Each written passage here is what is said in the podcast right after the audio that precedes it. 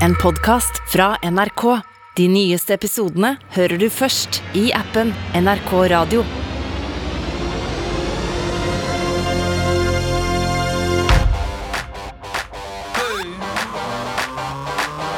Popkorn over politikk med Sean Henrik Matheson. The German war is therefore at an end. Andre verdenskrig er over.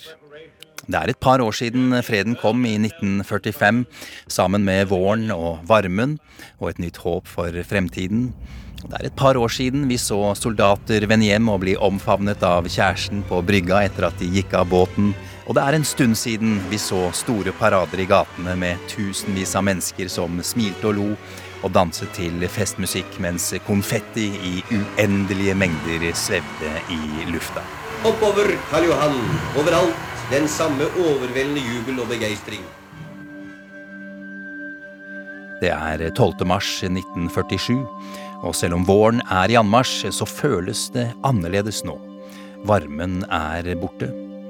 USAs president Harry Truman taler til Kongressen, en tale som kalles for Truman-doktrinen.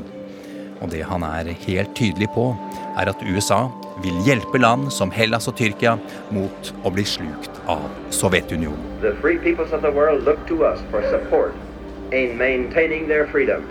For Sovjet og totalitarismen har begynt å kaste lange skygger over den relativt nye freden. Så lange skygger at det har blitt kaldt. Og det er ikke bare disse to landene som frykter Sovjet. Hele Vesten gjør det, også USA. Verden er i ferd med å kjøles ned gjennom den kalde krigen. Det går to år til. Washington DC 4. april 1949. Norges utenriksminister Halvard Lange har for lengst sendt et brev til Storbritannia og USA, og i brevet stilte han spørsmålet hvilken støtte vil vi få dersom Stalin skulle true oss? Norge kunne også ane skyggen fra Sovjetunionen. Lille Norge helt nord i Europa med grense mot Sovjet. Vi trengte trygghet, og det fort. Ville de være der for oss? Ja, det ville de. Og 4. april, i The Departmental Auditorium, som ser ut som et romersk tempel, og i en stor sal med doriske søyler langs veggene, er menn fra tolv nasjoner samlet. I den ene enden av salen står tolv flagg. Nesten skjult bak en stor palme, faktisk, men foran palmen står en talerstol. Rundt talerstolen sitter mennene fra alle disse nasjonene. Det er president Truman som innleder. Så er de klare til å iverksette noe av det viktigste som har skjedd i vestlig historie. De skal alle skrive under på Atlanterhavspakten. Nato var et faktum. Tolv land, blant dem Norge, hadde bestemt seg for at det skulle være én for alle, alle for én. Norge fant trygghet.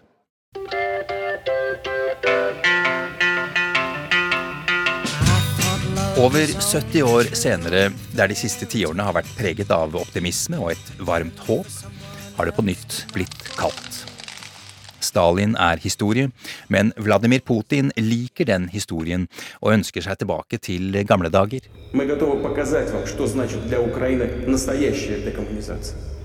Et ønske som er så sterkt at han invaderte Ukraina, og om det bare er første stopp på en lengre vei for å gjenskape fordums storhet, ja, det er det faktisk ikke helt mulig å vite.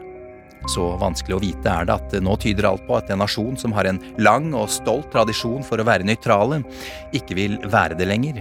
Sverige så vanskelig å vite er det at Finland, som på mange måter har levd under Sovjet og, og Russlands lange, kalde skygge i flere hundre år, nå har bestemt seg for å endelig bryte alle bånd. Som Norge etter andre verdenskrig trenger også de trygghet nå. De vil melde seg inn i Nato. Jeg heter Pippi Langstrøm. Vad heter ni? Hei, Pippi! Ja da, vi skal eh, snakke litt om, om Pippi i dag også, jeg lover. Eh, For det skal, som du har skjønt, eh, handle om Sverige og Finland i dag, og deres søken etter trygghet i Nato. I dag får vi besøk av Kristin Haugevik, seniorforsker ved NUPI. Hun skal fortelle om hvordan Nato behandler de eventuelle søknadene fra, fra Sverige og Finland. Og jaggu kommer også NRKs nye Norden-korrespondent Joakim Reigstad innom også. Eh, Han skal sette søknadene fra disse to landene i, i perspektiv. Ja, hvordan er det for eksempel da for Medelsvensson å plutselig velge side? Velkommen til Popkorn og politikk. Jeg heter Sean Henrik Matheson. Sammen med meg har jeg produsentene Kanonion Branes og Kickass Kristine Grønstad Alstad. Da har vi fått besøk, eh, og siden det handler om Sverige, skal vi ha formalitetene i orden. Og så vil jeg da innledningsvis inledningsvis til deg, dig, kommendörkapten Hamilton, det som vi bruker si til alle andre her, at eh, om kommendörkapten Hamilton selv vil holde en innledning, så går det bra. Ja, tack. Velkommen til Popkorn og politikk, Joakim Reigstad. Tusen takk. tusen takk. Jeg vet ikke om du er NRKs svar på kommandørkaptein eh, Carl Hamilton, men eh, gratulerer med jobb uansett. Ny jobb. Takk for det. Det er spennende. NRK har eh, gjenopplivet sitt Norden-kontor. Ikke siden 2008 har vi hatt en mann eller kvinne på det kontoret. Et kontor som for øvrig befinner seg i, i Stockholm, og der skal du sitte og, og være Norden-korrespondent. Hvordan føles det, hadde jeg nær sagt? Ja, som man sier i sportens verden. Ja, ja, jeg vet det! Ja. Klassisk sportsspørsmål, sant? Ikke sant? Det føles jo faktisk eh, helt eh, fantastisk. Det, eh, 2008 det var jo året da NRK la ned kontoret. Det er samme år som jeg begynte i NRK. Ja. Altså, den gangen så var man veldig opptatt av at nyansatte skulle inkluderes i hele NRK-historien. Så man fikk en stor og lang omvisning på, på NRK-huset første dag. Ja. Og da kom vi til nyhetsavdelingen, som jeg da skulle arbeide i. Ja. Og der spilte de Berit Rekås sitt siste korrespondentbrev fra Stockholm på radioen. Da tenkte jeg fader, hun har litt av en drømmejobb. Ja. Og så begynte jeg, og så innså jeg at dette kontoret da var nedlagt. ja. Og da var det sånn Nei, fader også. Ja. Pokker også. Pokker også, rett og slett. Men nå er du der. Men nå er jeg her. Ja. 14 år senere. Fantastisk. Det er veldig gøy. Og Norden det er selvsagt eh, Sverige, Finland, Danmark og Island. Eh, Vi tar med Østersjøen-området og Grønland også, ja. Joakim. Eh, For meg høres det fullstendig overveldende ut. Ja, Det var jo som jeg sa til deg på Ja. vei inn i studio her, det føles akkurat nå som jeg alltid kjører på gult lys i lyskryssene. Ja. For man er litt sånn på halv tolv hele tida, litt på etterskudd med alt. Ja. Det skal flyttes, det skal eh, selges bil, det skal etableres en ny leilighet, et nytt kontor, og så skal man arbeide litt samtidig. Og midt oppi dette her så er det en svær Nato-debatt i Sverige og Finland. Vi har en krig i Ukraina. Det er massevis som skjer. Mm. Slik at eh, døgnet har rett og slett litt få timer akkurat nå. Du tiltrer eh, offisielt på mandag. Jeg velger å kalle dette her din Norden-korrespondentdebut, bare fordi jeg syns det er sjukt stas. Er det greit, Joakim? Det det er helt greit. Ah, Eh. Formelt var det 1. mai, men Nei, men ikke kom her Nei, og ødelegg nå! Ikke det. Nei. Okay, greit. Vi flyttet til, jeg flyttet til Stockholm på mandag. Ja, er helt riktig. Så da, da begynner vi der. Ja, det er greit. Ja. Eh, Bare kjapt eh, her, Joakim. Har du noe forhold til, eh, til Carl Hamilton? Carl Hamilton, Denne superagenten til eh, Jan Guillaud, som han har skrevet om siden eh, 80-tallet? Litt. Eh, nok ikke, ikke av de største blodfansene, men jeg husker jo eh, at vi jaktet litt på Jan Guillaud eh, for åtte år siden, da det var ubåtjakt i Sverige. Da man trodde at man hadde sett en russisk ubåt i den svenske skjærgården, og hele Sverige var litt på tuppa. Da prøvde vi å få et intervju med Jan Guillaud for å se om hva han tenkte om denne situasjonen, og at han egentlig hadde, hadde forutsett dette her da i, i boken sin i Nasjonens tjeneste, som mange regner som den beste boken i Hamilton-serien, for å trekke noen paralleller der, men det ville jo ikke Jan Guillaud den gangen. Han ville ikke snakke med dere. Nei, i hvert fall ikke med oss. Jeg vet ikke om han snakket med andre. Eh, som sagt, det skal handle om Sverige og Finland eh, i dag. Og det at de vurderer å søke medlemskap eh, i Nato, det er vel kanskje noe av det viktigste som har skjedd i Norden på veldig, veldig lenge. Joakim, før Russland gikk til krig mot Ukraina, hvor langt opp eller nede på blokka var det spørsmålet for svenskene og, og finnene? Det har nok vært oppe på blokka, kan du si, helt siden, i hvert fall siden denne ubåtjakten som jeg var litt inne på, i, i 2014.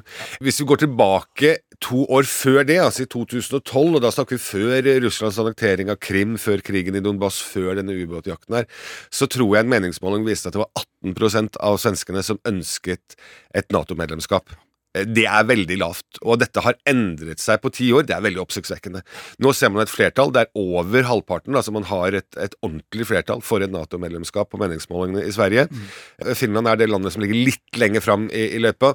De kommer til å komme med en avgjørelse ganske snart, og hvis man leser litt mellom linjene det den finske statsminister Sanna Marin sier, så, så er det klart at her, her ligger Finland veldig nære å faktisk gå med på at vi, vi skal søke. Og da blir det veldig vanskelig for Sverige å si noe annet.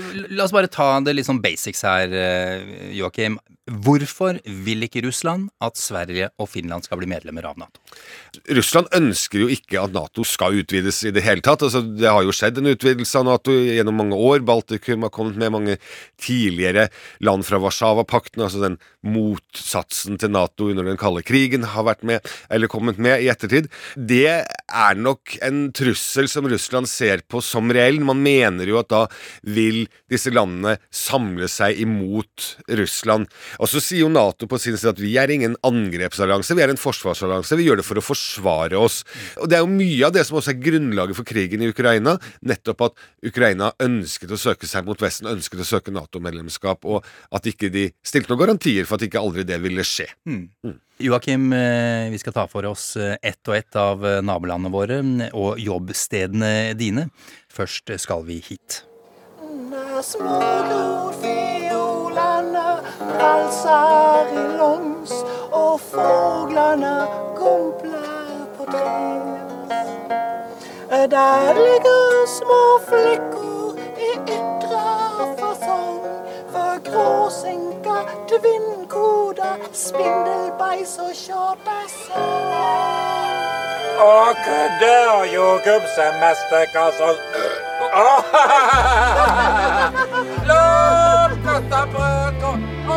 Popkorn og politikk. Kalla den englamarken eller himla jorden om du vil. Låt dem få leva, de er ju så.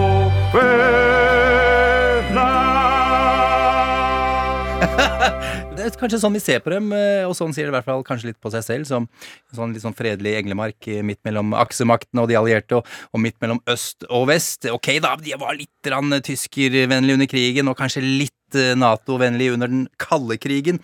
Men er det sånn Sverige ser på seg selv, tror du, Joakim? Jeg, jeg, sa det her for noen dager siden at Sverige er overraskende en stor våpenprodusent til å være et nøytralt land. Ja. De er veldig glad i å produsere militært utstyr. Ja. Nei, altså det er klart, det, det, spørs nok hvem du spør i Sverige. Ja. Jeg tror mange svensker liker å eh, skryte litt av at vi er alliansefrie. Vi har ingen bindinger til, til noen. Vi, vi, vi, skal ikke svare for noen. Vi er en fredfull nasjon. Jeg tror nok at alle de nordiske landene i utgangspunktet ville vært enig i det, Nato-medlemskap eller ikke. Det er ikke land som primært uh, er aggressive overfor sine naboland. Husk nå, Norden er jo kanskje verdens mest åpne region. Altså, Hvor man reiser fritt over landegrenser når det ikke er pandemi, da vel å merke. Sverige er nok ikke noen sånn særstilling på det, men jeg tror de liker det. Mange svensker i hvert fall liker veldig godt å, å kunne vise seg fram som alliansefrie og, og et fredfullt land med en englemark. Og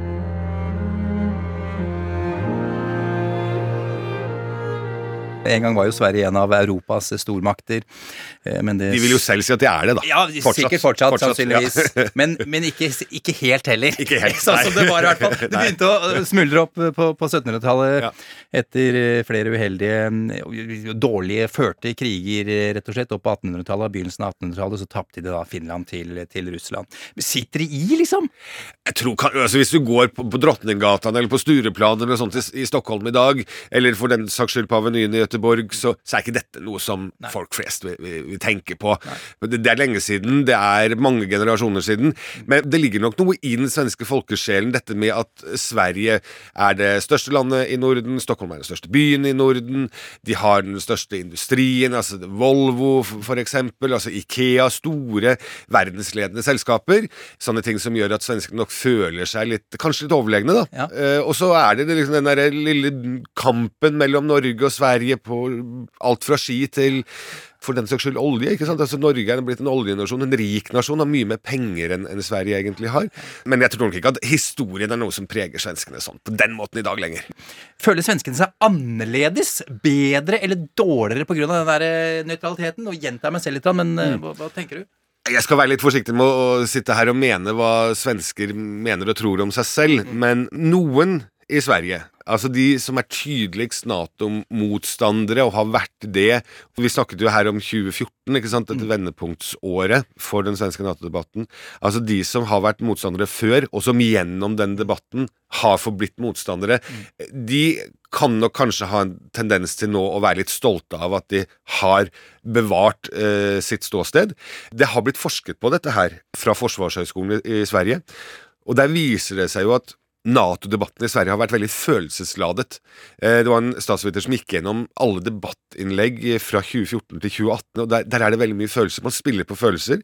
De som er motstandere, spiller veldig på dette med, som du er inne på, alliansefrihet, stoltheten over å ikke tilhøre noen, mens de som er tilhengere av Nato, ofte bruker eh, latterliggjøring, mistenkeliggjøring overfor de som er motstandere av Nato. Og der har debatten nok surnet litt til. altså Det har blitt en sånn eh, Så dumme dere er som ikke vil være med i Nato, ser dere ikke at dette her er lurt? Russlandvennlig kan det bli kalt, for eksempel. Altså alt mulig.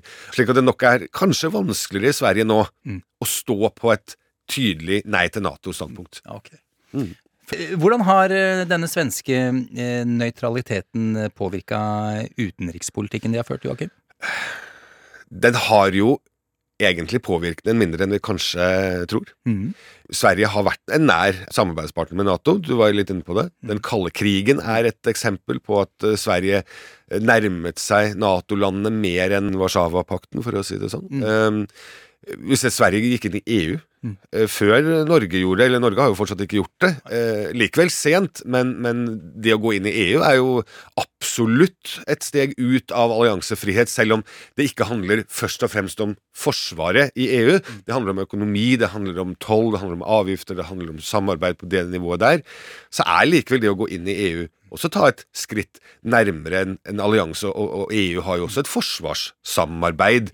slik at eh, egentlig så tok jo Sverige det første skrittet ut av alliansefriheten allerede på høsten 1994. Du, eh, Tidligere i år, så januar, så utplasserte eh, Sverige soldater på, på Gotland. Hvordan ble det oppfattet eh, i Sverige? Jeg syns det var kjemperart eh, her jeg satt eh, i, i Norge, men i Sverige? Sverige er nok veldig opptatt, og det svenske forsvaret har nok vært veldig opptatt de siste åtte årene av å vise at vi er et ganske bra forsvar. Nettopp for å forsvare at man ikke er et Nato-land, så skal i hvert fall svenske forsvaret vise at vi, vi er i stand til å forsvare oss selv. Det så man i ubåtjakten. altså Det ble satt inn enorme ressurser på å finne denne ubåten. De fant den jo ikke. Og det er litt det samme man så på Gotland. Ikke? Man skulle vise at vi har muskler her. Vi klarer oss selv, vi. Vi skal passe på oss. Hva gjorde det med Nato-diskusjonen? Jeg, jeg tror nok at det var det første skrittet inn i, i det som nå er, er et, et mulig medlemskapssøknad fra Sverige, fordi at man ser at her blir det en endring i folks oppfattelse av situasjonen. Krigen kom nok veldig mye tettere på med dette her. Uroen i Europa kom veldig mye tettere på, og helt sikkert også vært en medvirkende årsak til at mange har endret mening. Fordi at man har sett at dette kan faktisk bli en realitet i Østersjøen.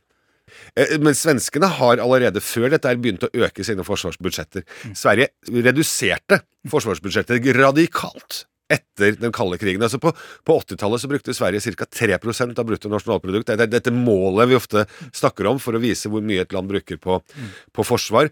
Natos mål er at hvert medlemsland skal bruke 2% Under den kalde krigen så brukte Sverige over 3% av sitt eh, statsbudsjett, altså nasjonalprodukt, på Forsvaret.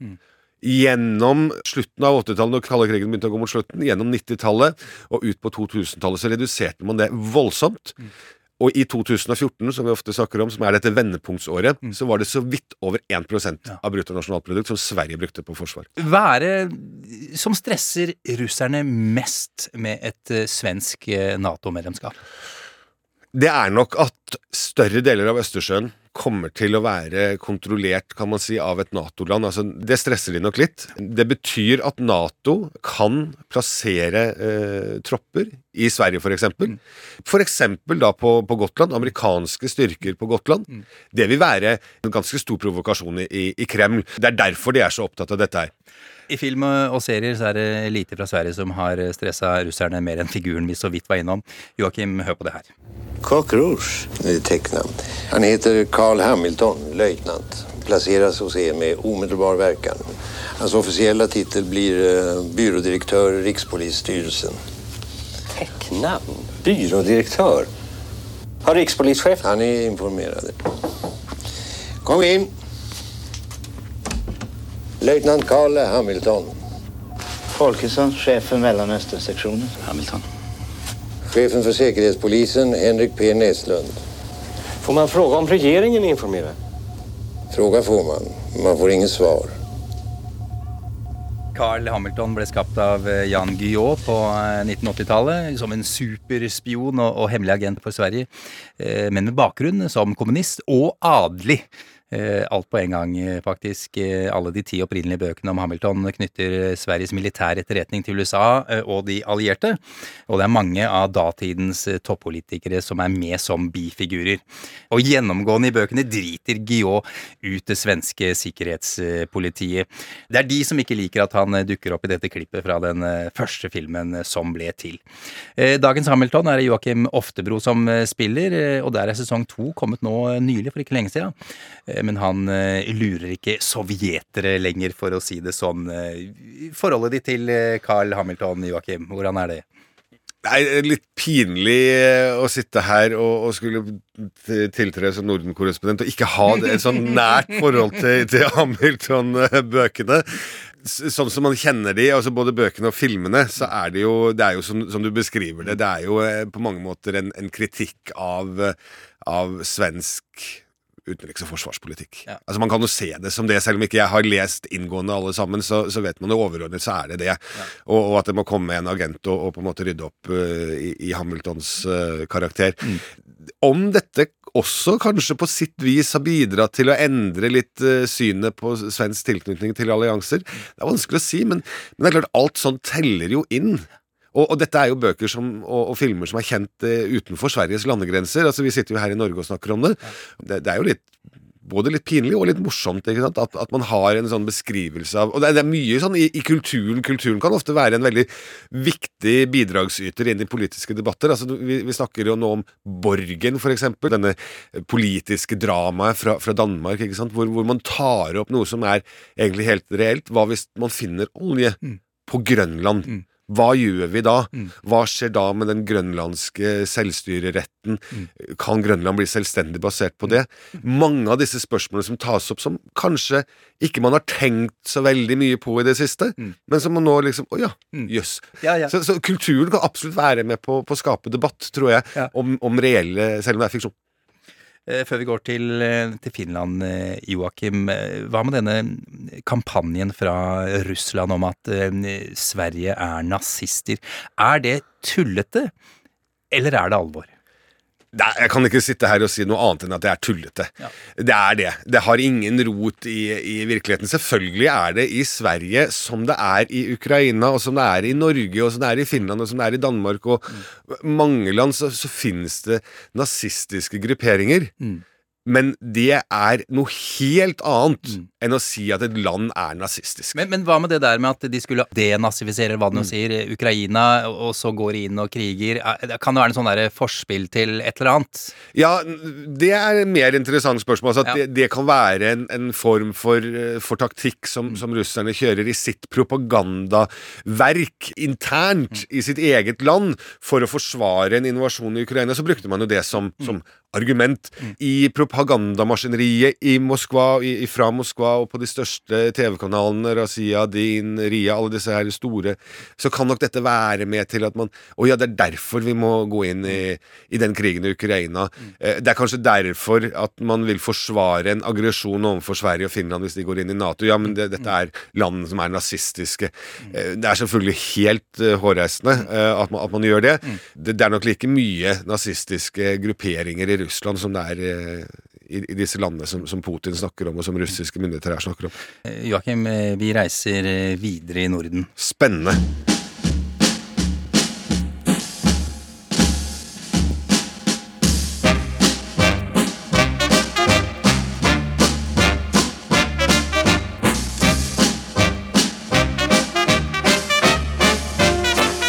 Popkorn og politikk.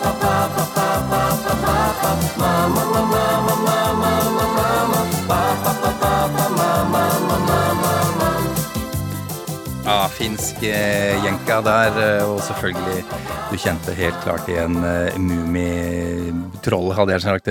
Mummimusikken, i hvert fall. Fader, altså, jeg, jeg, jeg syns jeg kan for lite om Finland, Joakim. Er jenka og Mummitrollet, liksom hva, Er det det vi kan alle mann, eller er det bare jeg som er helt ute? Sauna og, Sauna og- innsjøer. Ja, ja, ja, for all del. ja, Ja, det- og, det og, og fylla Jeg vet ikke om det er en gammel myte. ja, det- Ja, det, det er nok kanskje en litt sånn gammel oppfattelse, men, men Unnskyld alle finner. Og det er nesten rart at ikke Mummitrollet har blitt eh, kalt eh, nazister av, av Russland, med tanke på vinterkrigen og alt mulig. Ja, kanskje snusmumrikken er nazist, men- Ja, kanskje- kanskje kanskje det. Eller Lille My, kanskje enda mer. Lille My. Nei, altså, ja Finn... Nei, nå må du tilbake til spørsmålet. Jeg Nei, jeg skal gå videre. Ja, Jeg, jeg nevnte det jo så vidt i stad at etter at, at det svenske storriket kollapsa på 1700-tallet, så, så mista jo da de Sverige til slutt eh, Finland til Russland eh, på begynnelsen av eh, 1800-tallet. Finland ble jo en russisk provins, eh, egentlig. Mye ikke historie her på et par-tre korte setninger, Joakim, men sånn får det nesten bare bli. Finland erklærte uavhengighet i 1917 etter oktoberrevolusjonen, og det aksepterte den russiske bolsjevik-regjeringen. Men siden så ble jo da Finland invadert av Russland igjen, dvs. Si Sovjetunionen i 1939, vinterkrigen. Stalin syntes at St. Petersburg lå for nærme Finland, Leningrad som byen het på den tida. Eh, Og det endte jo med at Finland måtte avgi store landområder, eh, men også mye av sin industrielle kapasitet. Altså Sovjet tok store deler av annet skogsindustrien, og eh, 10 av befolkningen måtte flykte. Etter krigen så inngikk Finland og Sovjetunionen en ny avtale, VSB-avtalen, eh, kort fortalt, eh, så lenge Finland oppførte seg ordentlig mot Sovjet. eh, Ikke leflet noe særlig med Vesten, så skulle de få være i fred, og så skulle de få noen økonomiske eh, fordeler. Og det var jo denne finlandiseringen enkelte trakk frem i tiden før Russland gikk til krig mot Ukraina, at det kanskje kunne være en, en mulighet for Ukraina. Det med en mulig Nato-avtale, Joakim, er det det endelige fuck you til, til Russland? Jeg sier som Erna Solberg, jeg vet ikke om jeg ville brukt akkurat de ordene. men, nei, men Beklager. Det går, det går fint. Nei, altså, det, ja. Eh, på mange måter så er det jo det. Det er jo et eh, endelig farvel til, til både den avtalen som du er inne på. Det er altså Finland er veldig vanskelig å forstå, eh, og du var jo litt inne på det i innledningen her. Altså, ikke sant? Finland er et land som nok har vært i en veldig skvis. Altså, hvis vi ser på hvordan Finland har sett på Russland etter den kalde krigen, så, og, og kanskje også før det også, så har nok mye av diskusjonen i Finland handlet om at ja, men vi, vi er litt tettere på. Vi forstår den russiske bjørnen. Vi forstår hvordan de tenker, hvordan de eh, snakker, eh, hva de har behov for. Eh, Det har nok vært en sånn forståelse i, i Finland av at de er litt, litt tettere på, på Russland på mange måter. Det var bare noen uker siden at, at finner la ned toglinjen som gikk fra St. Petersburg til Helsingfors. Altså I mange mange uker under krigen så hadde russerne en mulighet til å flykte ut med det toget, inn til Finland. Så tror jeg nok at Finland gikk litt fra 0 til 100 når det gjelder Nato, eh, med det som skjedde i Ukraina. Når man ser at eh, Russland er i stand til å gå inn i et eh, naboland, et i utgangspunktet fredelig land, så ser man at oi, kan dette her faktisk skje Mm. hos oss? Mm. Jeg spurte Jens Stoltenberg, generalsekretær i Nato, ganske kort tid etter krigsutbruddet i Ukraina. Hvis dette var Sverige eller Finland, ville Nato inntatt den samme avventende holdningen til å gå inn militært i krigen? Og det ville han ikke svare på. Nei. Og mellom linjene der så ligger det jo svaret at ja, faktisk. Fordi at er du ikke Nato-medlem, selv om du er partnerland, selv om du utveksler informasjon med Nato, så gjelder ikke artikkel 5 hvis du ikke er blant de 30 medlemslandene. Det vil si at hvis det kommer et feilskutt missil inn i Norge, så er hele Nato med i krigen. Skjer det i Finland, eller skjer det et angrep, eller skjer det en krenkelse av den finske grensen, så er ikke Nato i ryggen din med en gang.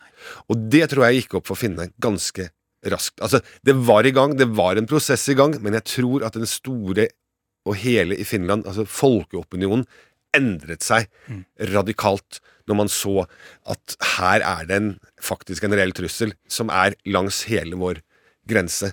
Og vi har en historie med Russland hvor vi vet at de har angrepet oss tidligere. Finland har jo eh, siden andre verdenskrig ført en slags eh, balansepolitikk hele tiden og passer på at eh, det ikke krenker Moskva. Hva er eksempler på en slik balansepolitikk, Joakim?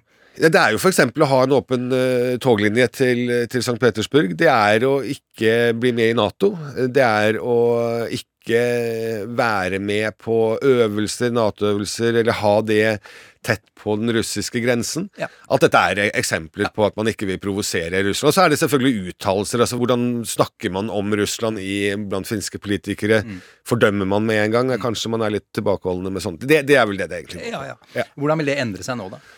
Ja, det, det vil nok antageligvis endre seg noe. Nå, nå er det jo ikke sånn at med et Nato-medlemskap så skal Finland endre hele sin politikk overfor Russland.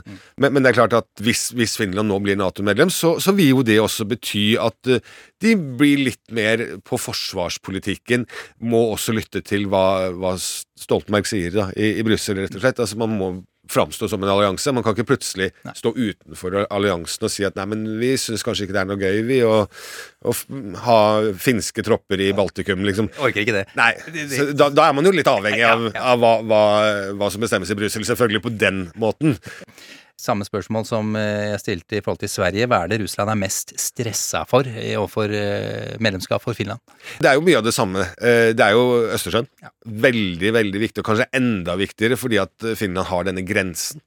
De har Åland, altså som man kan altså Kontroll på Åland, så stenger du hele Bottenviken oppover. ikke sant? Og så er det grensen. Altså at de har en lang grense. Eh, og, og at det skal komme amerikanske styrker på finsk jord som kan stå helt tett opp mot den russiske grensen. Det er selvfølgelig frykten. Det ser vi, det har jo ikke skjedd i Norge. Man har jo plassert de amerikanske styrkene litt unna. Man har jo ikke satt de akkurat i grense Jakobselv eller på, på grensestasjon på Storskog. Det har man jo ikke gjort. Så det er jo ikke noen grunn til å tro at Finns, Finland blir bedt om å gjøre det heller. Nei. Og jeg, jeg snakket med en, en finsk kollega i, i YLE, altså den finske allmennkringkasteren, akkurat om dette her for en ukes tid siden, og han sa det det er veldig synd. Det som, det som skjer i Russland nå overfor Finland, for at man hadde begynt liksom å få en, en ganske god et ganske godt forhold. Det var toglinjer, som vi sa, over, det var handel. Og så blir det liksom over natten bare sånn brutt. Fordi at Russland går til krig mot et annet land. Joakim, helt til slutt her. Når tror du Sverige og Finland eh, tar en avgjørelse? Den kommer veldig snart. Håper den kommer eh, etter at dette programmet er ferdig redigert. Ja, Så at ikke okay. det har skjedd er- allerede. Du er der, ja. Ja, ja. ja vi er der. Vi, vi snakker nok uh, uker. Eh, Det er snakket om 12. mai, det er snakket om 17. mai, det er snakket om i løpet av mai. Nå får vi bare se. Finland kommer til å være de som bestemmer seg først. Det legger litt press på Sverige, men jeg tror at de to landene kommer til å komme en felles Ikke en felles søknad, men de kommer til å søke på samme tid, og den, konklusjonen kommer til å være lik. Enten søker de, eller så søker de ikke. Nå ligger det absolutt mest an til at de kommer til å søke om Nato-medlemskap. Joakim eh, Reigstad, eh, vi er takknemlige her for at du eh, kom med din Norden-korrespondent-debut i Popkorn og politikk. Tusen takk. Selv takk.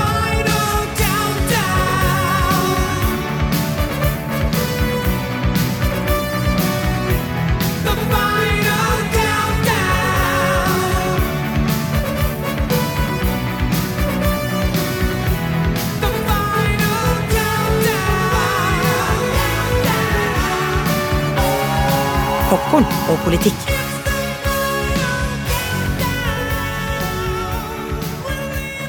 Nå har vi snakka om utvidelse av Nato, og at det kan skje fort, som Joakim sa.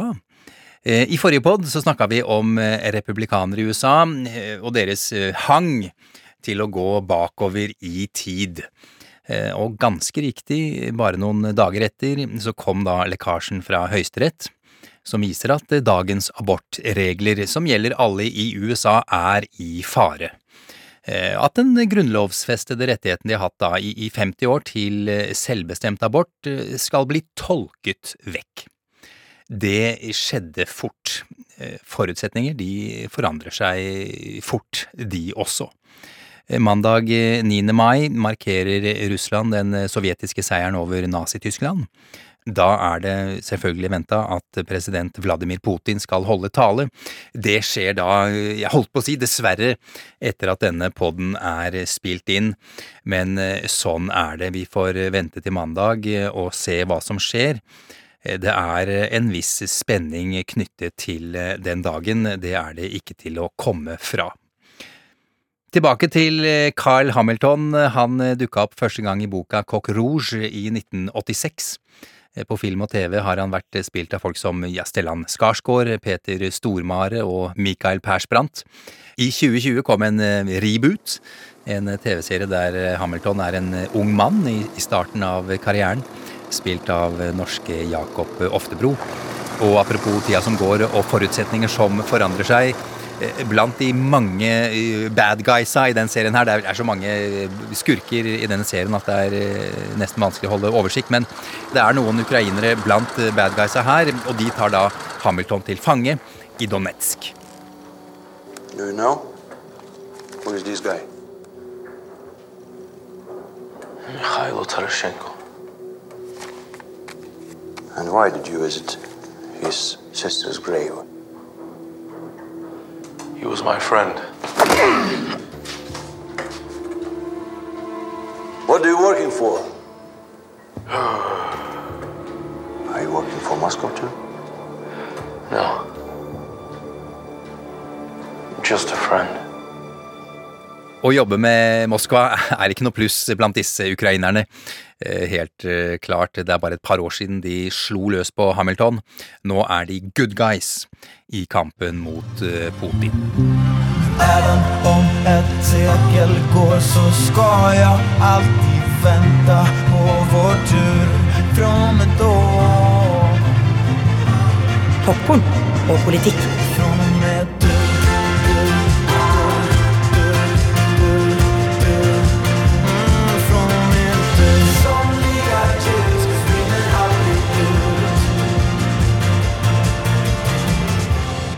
Kristin Haugevik, seniorforsker på NUPI i forskningsgruppa for global orden og diplomati. Velkommen til Popkorn og politikk. Tusen takk. Sier det med en gang til deg som hører på. Denne samtalen har vi torsdag 5. mai. Sier det sånn i tilfelle det skulle ha skjedd noe som eh, det ville være naturlig at eh, vi snakker om, men som vi ikke gjør. Så da, da vet du det. Og det handler jo om Sveriges og Finlands eventuelle Nato-søknader i dag.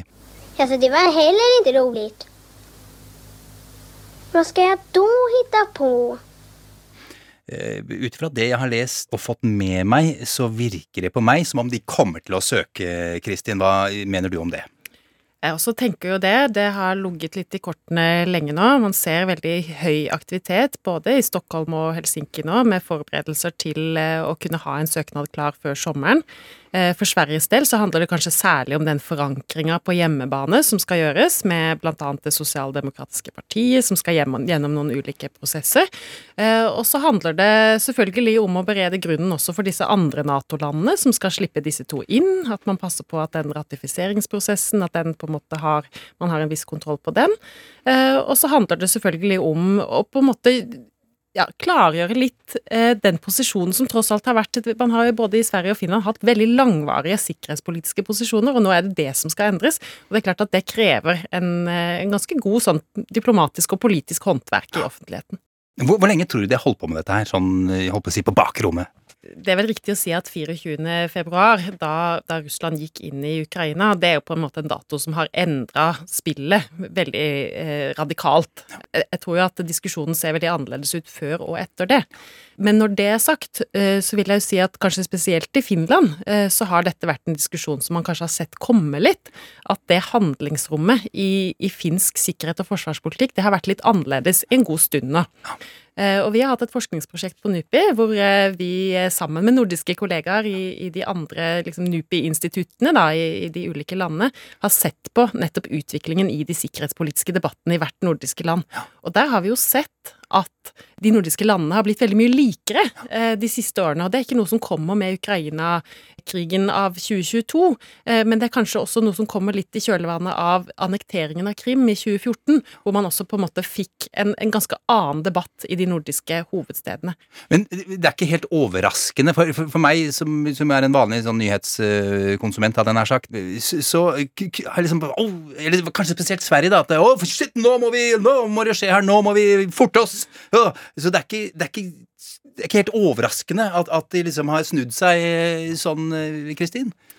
Ja, og det syns jeg er et veldig godt spørsmål, akkurat det du nevner med Sverige der. For det man kan få litt inntrykk av når man følger dette fra utsida, det er jo det at det er Finland som på en måte leder an. Litt uvant av de to, for de har jo ofte operert i tospann, men det har ofte vært Sverige som det største landet som på en måte har kanskje ligget eh, et hakk foran. Det så vi f.eks. da Sverige og Finland søkte EU-medlemskap. Da var det Sverige som var først ute med å ta den beslutninga. Men her er det nok i langt større grad Finland som har utspillet, og, og finske regjeringen har vel også gått så langt som å antyde at dersom Sverige ikke skulle følge med, så er det likevel aktuelt for Finland å, å søke medlemskap. Mm. Sånn at uh, for Finlands del så har nok grunnen har vært beredt enda litt lengre, også internasjonalt, men for Sverige så kom den nok litt raskere enn man, man hadde tenkt, og, og jf. denne interne debatten som man også må ha først. Eh, og for Sverige så er det klart det er en linje som har, har vært der veldig lenge. Sverige er jo alliansefrie, de var under andre verdenskrig, ble ikke trukket inn, beholdt sin nøytralitet, eh, mens det har jo sett veldig annerledes ut fra, fra finsk side. Mm. Hvor lang tid vil en søknad ta, hvis de liksom bestemmer seg ja, vi skal søke? Ja, det er jo et veldig godt spørsmål. Her er det jo litt sånn ulike signaler ute og går. Og så er det litt ulike trinn i prosessen man snakker om. Og det ene handler jo om selvfølgelig da hvor raskt etter at de har søkt om medlemskap, at de får en slags tommel opp mm. fra Nato, offisielle Nato på en måte, da, Jens Stoltenberg og, og hovedkvarteret i, i Brussel, og fra Nato-landene som sitter der. Eh, så det kan gå relativt fort. Eh, og her snakker man jo kanskje til og med bare om uker. Ja, jeg har lest 14 dager et eller annet sted, Kristin. Ja, og det tror jeg er på en måte litt sånn det anslaget man får, at, og signalet er på en måte dette ønsker vi å gjøre fort. Vi ønsker de to landene velkommen. De eh, oppfyller de kravene vi har satt til land i denne åpne dør-politikken som, som, Nato har satt for seg å ha. Men samtidig så er det noen krav som søkerland må, må oppfylle, og, og, det har jo signalene fra Jens Stoltenberg og, og andre vært, at de kravene anser man i veldig stor grad for eh, både Finland og Sverige oppfyller. Så derfor så kan nok det gå ganske fort. Men så kommer det trinn to, eh, hvor hvert av disse nå 30 medlemslandene skal godkjenne det nasjonalt. For det er jo det Nato som en sånn mellomstatlig organisasjon handler om også, at disse landene skal få lov til å si offisielt godkjenne denne søknaden. Og det vil kunne ta litt lengre tid. Så vi snakker om på en måte litt, litt ulike faser her. Mm. Eh, og, og, det er klart, eh, det at 30 land skal, skal, gjennom ulike prosesser nasjonalt, det vil kunne ta litt mer enn bare et par uker. Men du sa mellomstatlig. Hva, hva, betyr det egentlig? Hva mener du med det? Ja, Mellomstatlig, det betyr jo egentlig at statene fortsatt har sin egen Altså de bestemmer fortsatt over sin egen politikk. Så man har på en måte slutta seg til dette samarbeidet. Men det er ikke sånn som f.eks. i deler av EU-samarbeidet, hvor det holder med et flertall, og da må de andre være med. ikke sant? Og da kaller man det overstatlig. Så, så, det er på en måte forskjellen mellom det. Mens Nato er en mellomstatlig organisasjon. Kan Nato si til disse medlemslandene sine, når de skal gjennom sine egne øh, prosesser, at nå må dere kjappe dere, kom igjen, dette har vi ikke tid til, gjør det nå. Har de noe slik type makt? Her handler det vel kanskje først og fremst om politisk håndverk. At man sender de signalene som også gjøres nå fra, fra Natos hovedkvarter. At, at, på en måte dette ønsker man å få til, og man ønsker å få det til fort. Og man ser for seg at dette skal kunne gå ganske greit. Og, og både fra svensk og finsk side så har man jo antyda De, de holder jo på nå å ha sånne bilaterale, sånne tosidige samtaler med hvert av, disse landene. Eh, og der får de jo også signaler på at, eh, at man antar at dette kommer til å, å kunne gå greit. Mm. Men tror du, tror du Finland og Sverige har sagt eh, liksom, som, igjen på dette bakrommet, herregud, der skal vi være en del i dag, Kristin.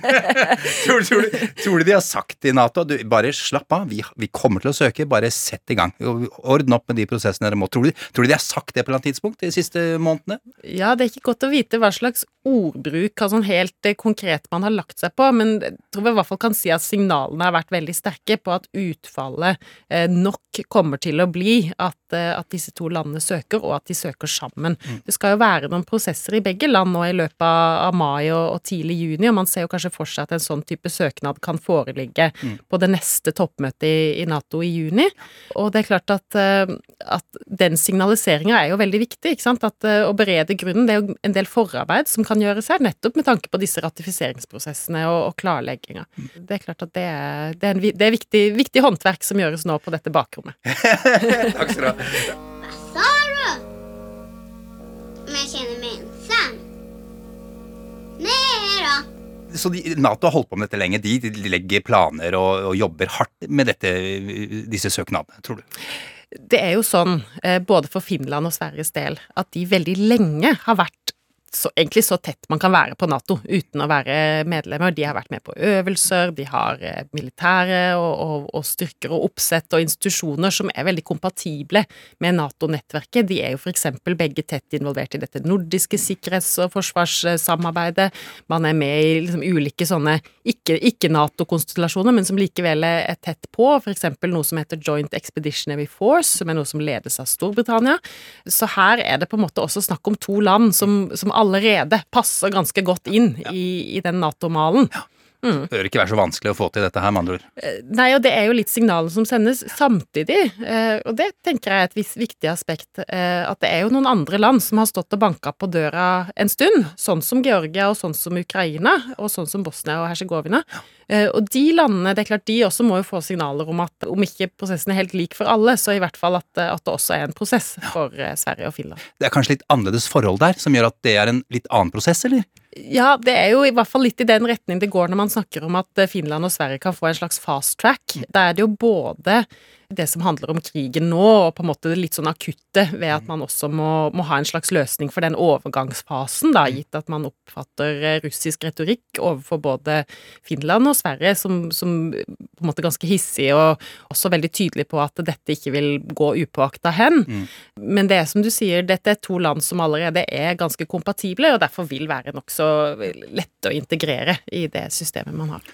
Og så er det jo et spørsmål som, eh, som mange stiller seg, eh, sikkert du også, Kristin. Altså dersom de søker eh, og bestemmer seg for det, så er det da en tid sannsynligvis til de blir fullverdige medlemmer.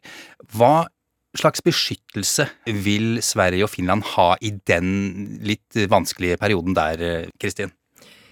Det er jo også egentlig et veldig sånn godt spørsmål, som, som jeg tror man lurer også veldig mye på i både Stockholm og Helsinki akkurat nå. Hva, hva på en måte kan vi få av garantier i den litt sårbare mellomfasen, hvor på en måte søknaden er sendt, kanskje de er akseptert også som, som søkere, men hvor det likevel tar tid å vente på disse ratifiseringsprosessene i det enkelte land.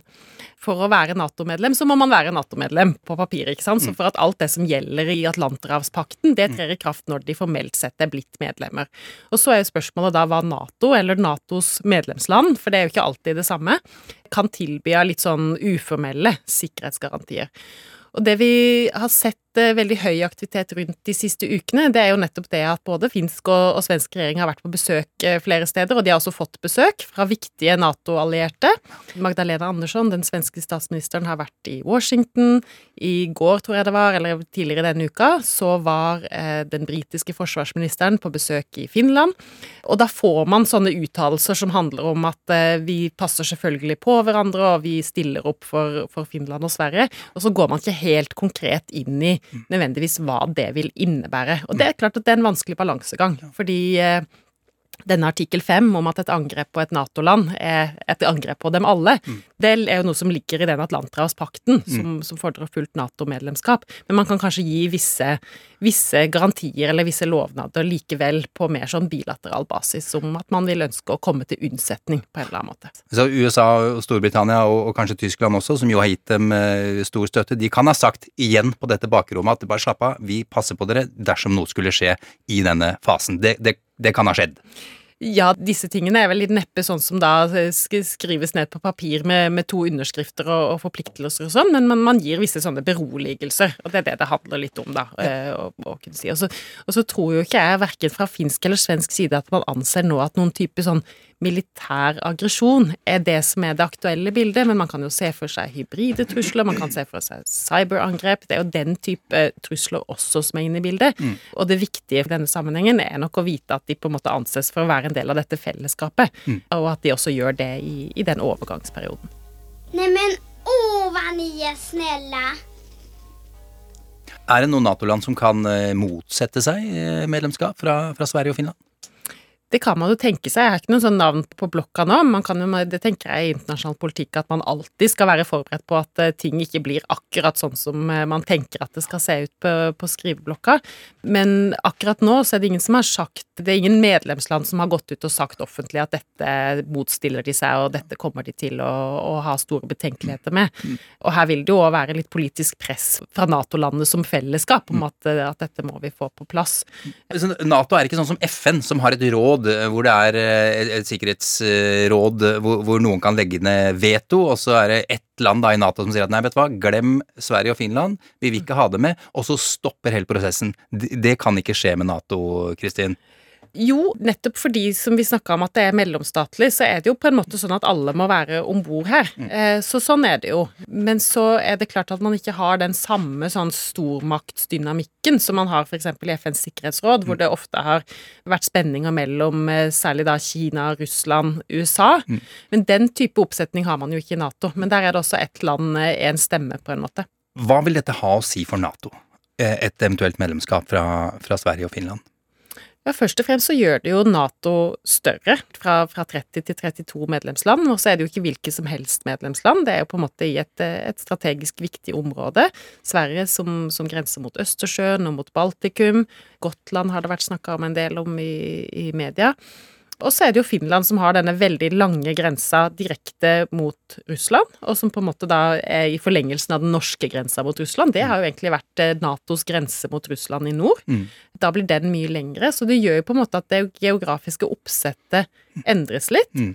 Og så gjør det jo at man på en måte har enda færre land som på en måte er i sånn mellomposisjon, da. Som ikke er Det er jo noen fortsatt EU-medlemsland som ikke er medlemmer av Nato, men, mm. men, det blir færre. Så det blir flere av EUs medlemsland som også er i Nato. Mm. Eh, så en større overlapp mellom de to, som kanskje kan gjøre at man får mer sånn sammenfallende mm. eh, retning på de to organisasjonene også. Hvilke forpliktelser tar eh, Sverige og Finland på seg ved å bli medlemmer av Nato? Fremfor alt da, så omfattes de jo av den Atlanterhavspakten, og da dette prinsippet om artikkel 5. De forplikter seg til å være med på en del øvelser, de forplikter seg til å oppfylle visse sånne krav til ja, alt fra parlamentarisk kontroll til, til hvordan man, eh, man setter opp styrker og visse sånne militærtekniske problemstillinger. Men så er det jo kanskje det du egentlig også spør om, litt sånn hva slags forpliktelser har de til å ha f.eks. Nato-baser og sånt på eget territorium. Mm. Men der tror jeg nesten jeg må si at det er nok noe som vil avgjøres litt lenger frem i tid. Mm. Det er ikke nødvendigvis noe som, som, ligger på bordet akkurat nå, hvordan det vil se ut. Og det vil også være i veldig stor grad opp til de to landene mm. å, bestemme hvordan de ønsker at det oppsettet skal være. Litt sånn som det har vært for Norge, egentlig. Ja, ja. Men mm. Russland blir jo sure på Norge når vi holder på med amerikanske tropper og ubåter og alt mulig. Jeg antar at det samme vil skje da, hvis Sverige skulle få besøk av eh, amerikanske atomubåter og, og, og Finland osv. osv. Ja, så der vil det nok for begge land være bare behov for rett og slett å stake ut en kurs som de er komfortable med. Litt sånn som man har gjort fra norsk side, at man har forsøkt å balansere i, i mange år. Forsøkt mm. å balansere flere hensyn. Man har vært opptatt av å, å, ha den bilaterale dialogen med Russland og samarbeide i nord og samarbeide om, om andre typer praktiske spørsmål. Mm. Samtidig som man da har vært opptatt av at Norge er medlem av Nato og mm. har, har visse både liksom, forpliktelser og aktiviteter i forbindelse, eller som følger av, av det medlemskapet. Hva med Norge? Og, og Finland eh, og Sverige, eh, Danmark også for så vidt, hvis du har med Norden. Hva, hva skjer med dette samarbeidet eh, ved et medlemskap? Ja, det samarbeidet er jo et samarbeid som alle landene egentlig snakker om som veldig sånn velfungerende og godt, og de nordiske landene snakker godt sammen, de deler informasjon, de har gode kanaler for samarbeid, de er satt opp på en nokså lik måte, og de har jo en sånn solidaritetserklæring også seg imellom, med at de vil stille opp for hverandre i vanskelige tider og sånn dersom Finland og Sverige ender opp med å gå inn i Nato, så er det klart at det er et veldig viktig institusjonelt hinder for samarbeid som forsvinner. Fordi at det har jo vært litt sånn at nordisk samarbeid stopper der Natos eh, involvering begynner, for da har på en måte Finland og, Sverige ikke, ikke vært omfatta av det. Så for nordisk samarbeid så betyr nok det både at mulighetsrommet blir større, men også at det nordiske på en måte som selvstendig pilar blir litt annerledes. Det vil jo i, større grad da bli noe som skjer også innenfor Nato-samarbeidet. Så er det jo fortsatt sånn med EU-samarbeidet at Norge er jo utafor, og Danmark har fremdeles et sånn forsvarsforbehold som de nå skal ha folkeavstemning om hvorvidt de fortsatt skal ha. Men det gjør jo da at Nato I Nato er det mindre hindre, mens i EU så er det fortsatt noen, da. Så kan vi si det sånn litt forenkla. Ja, ja. Norden blir sånn liten sånn egen Du sa Pilar, eh, Kristin. Sånn, ja, de har litt sånn eget opplegg gående der, selv om de er med, med i Nato. Ja, altså? Historisk sett så snakka man jo om en sånn nordisk balanse i sikkerhetspolitikken, hvor det egentlig handla om at alle de nordiske landene hadde en litt sånn unik modell, ikke sant. Eh, Det var bare Danmark som var både medlem av Nato og EU, mens de andre hadde liksom noen sånne varianter. Så det at de nå plutselig er mer på linje, og det er jo også noe vi har sett i det forskningsprosjektet vi hadde, at de er blitt mye likere i hvordan de velger sin alliansetilknytning, så vil jo det gjøre at de i større grad kan operere på en måte innenfor Nato-rammeverket, istedenfor et sånn eget nordisk. Kristin Haugevik, seniorforsker ved NUPI, tusen takk for besøket. Tusen takk for at jeg fikk komme. Popkorn og politikk.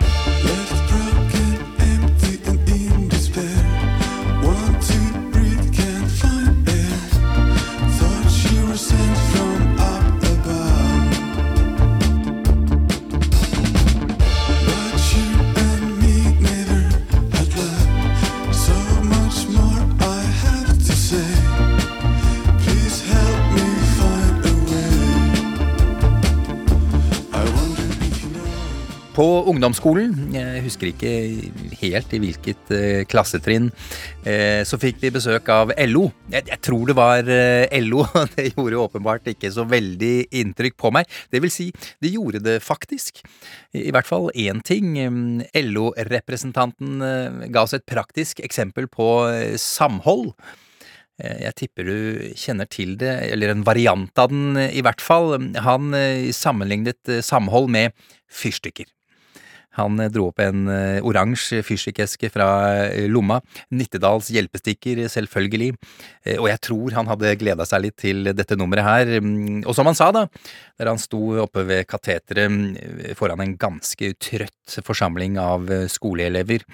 Han sa det er ikke vanskelig å brekke én fyrstikk og så brakk han en eh, fyrstikk. Men det er veldig vanskelig å brekke en hel fyrstikkpakke. og så forsøkte han da å brekke hele pakka med Nittedals hjelpestikker. Eh, Han klarte det ikke, men han var veldig ivrig på at vi skulle prøve, vi andre også, så han ga den til Dag, eh, som satt på, på første rad, og ba ham gi det et forsøk, mm, for så å sende den videre. Dag klarte det heller ikke. og prinsippet holdt da, i hvert fall. Sammen er vi sterke. Jeg tar sjansen, jeg, på å ønske Sverige og Finland velkommen inn i Nato. Eh, Men det er klart, eh, hvis hele pakka med fyrstikker tar fyr Hei, hei, hallo!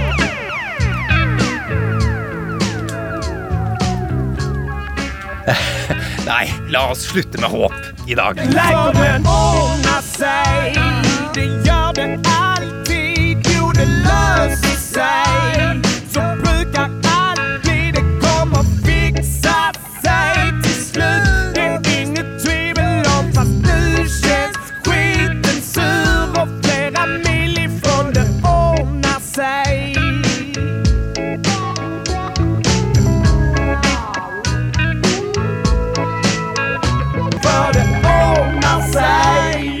hørt en podkast fra NRK.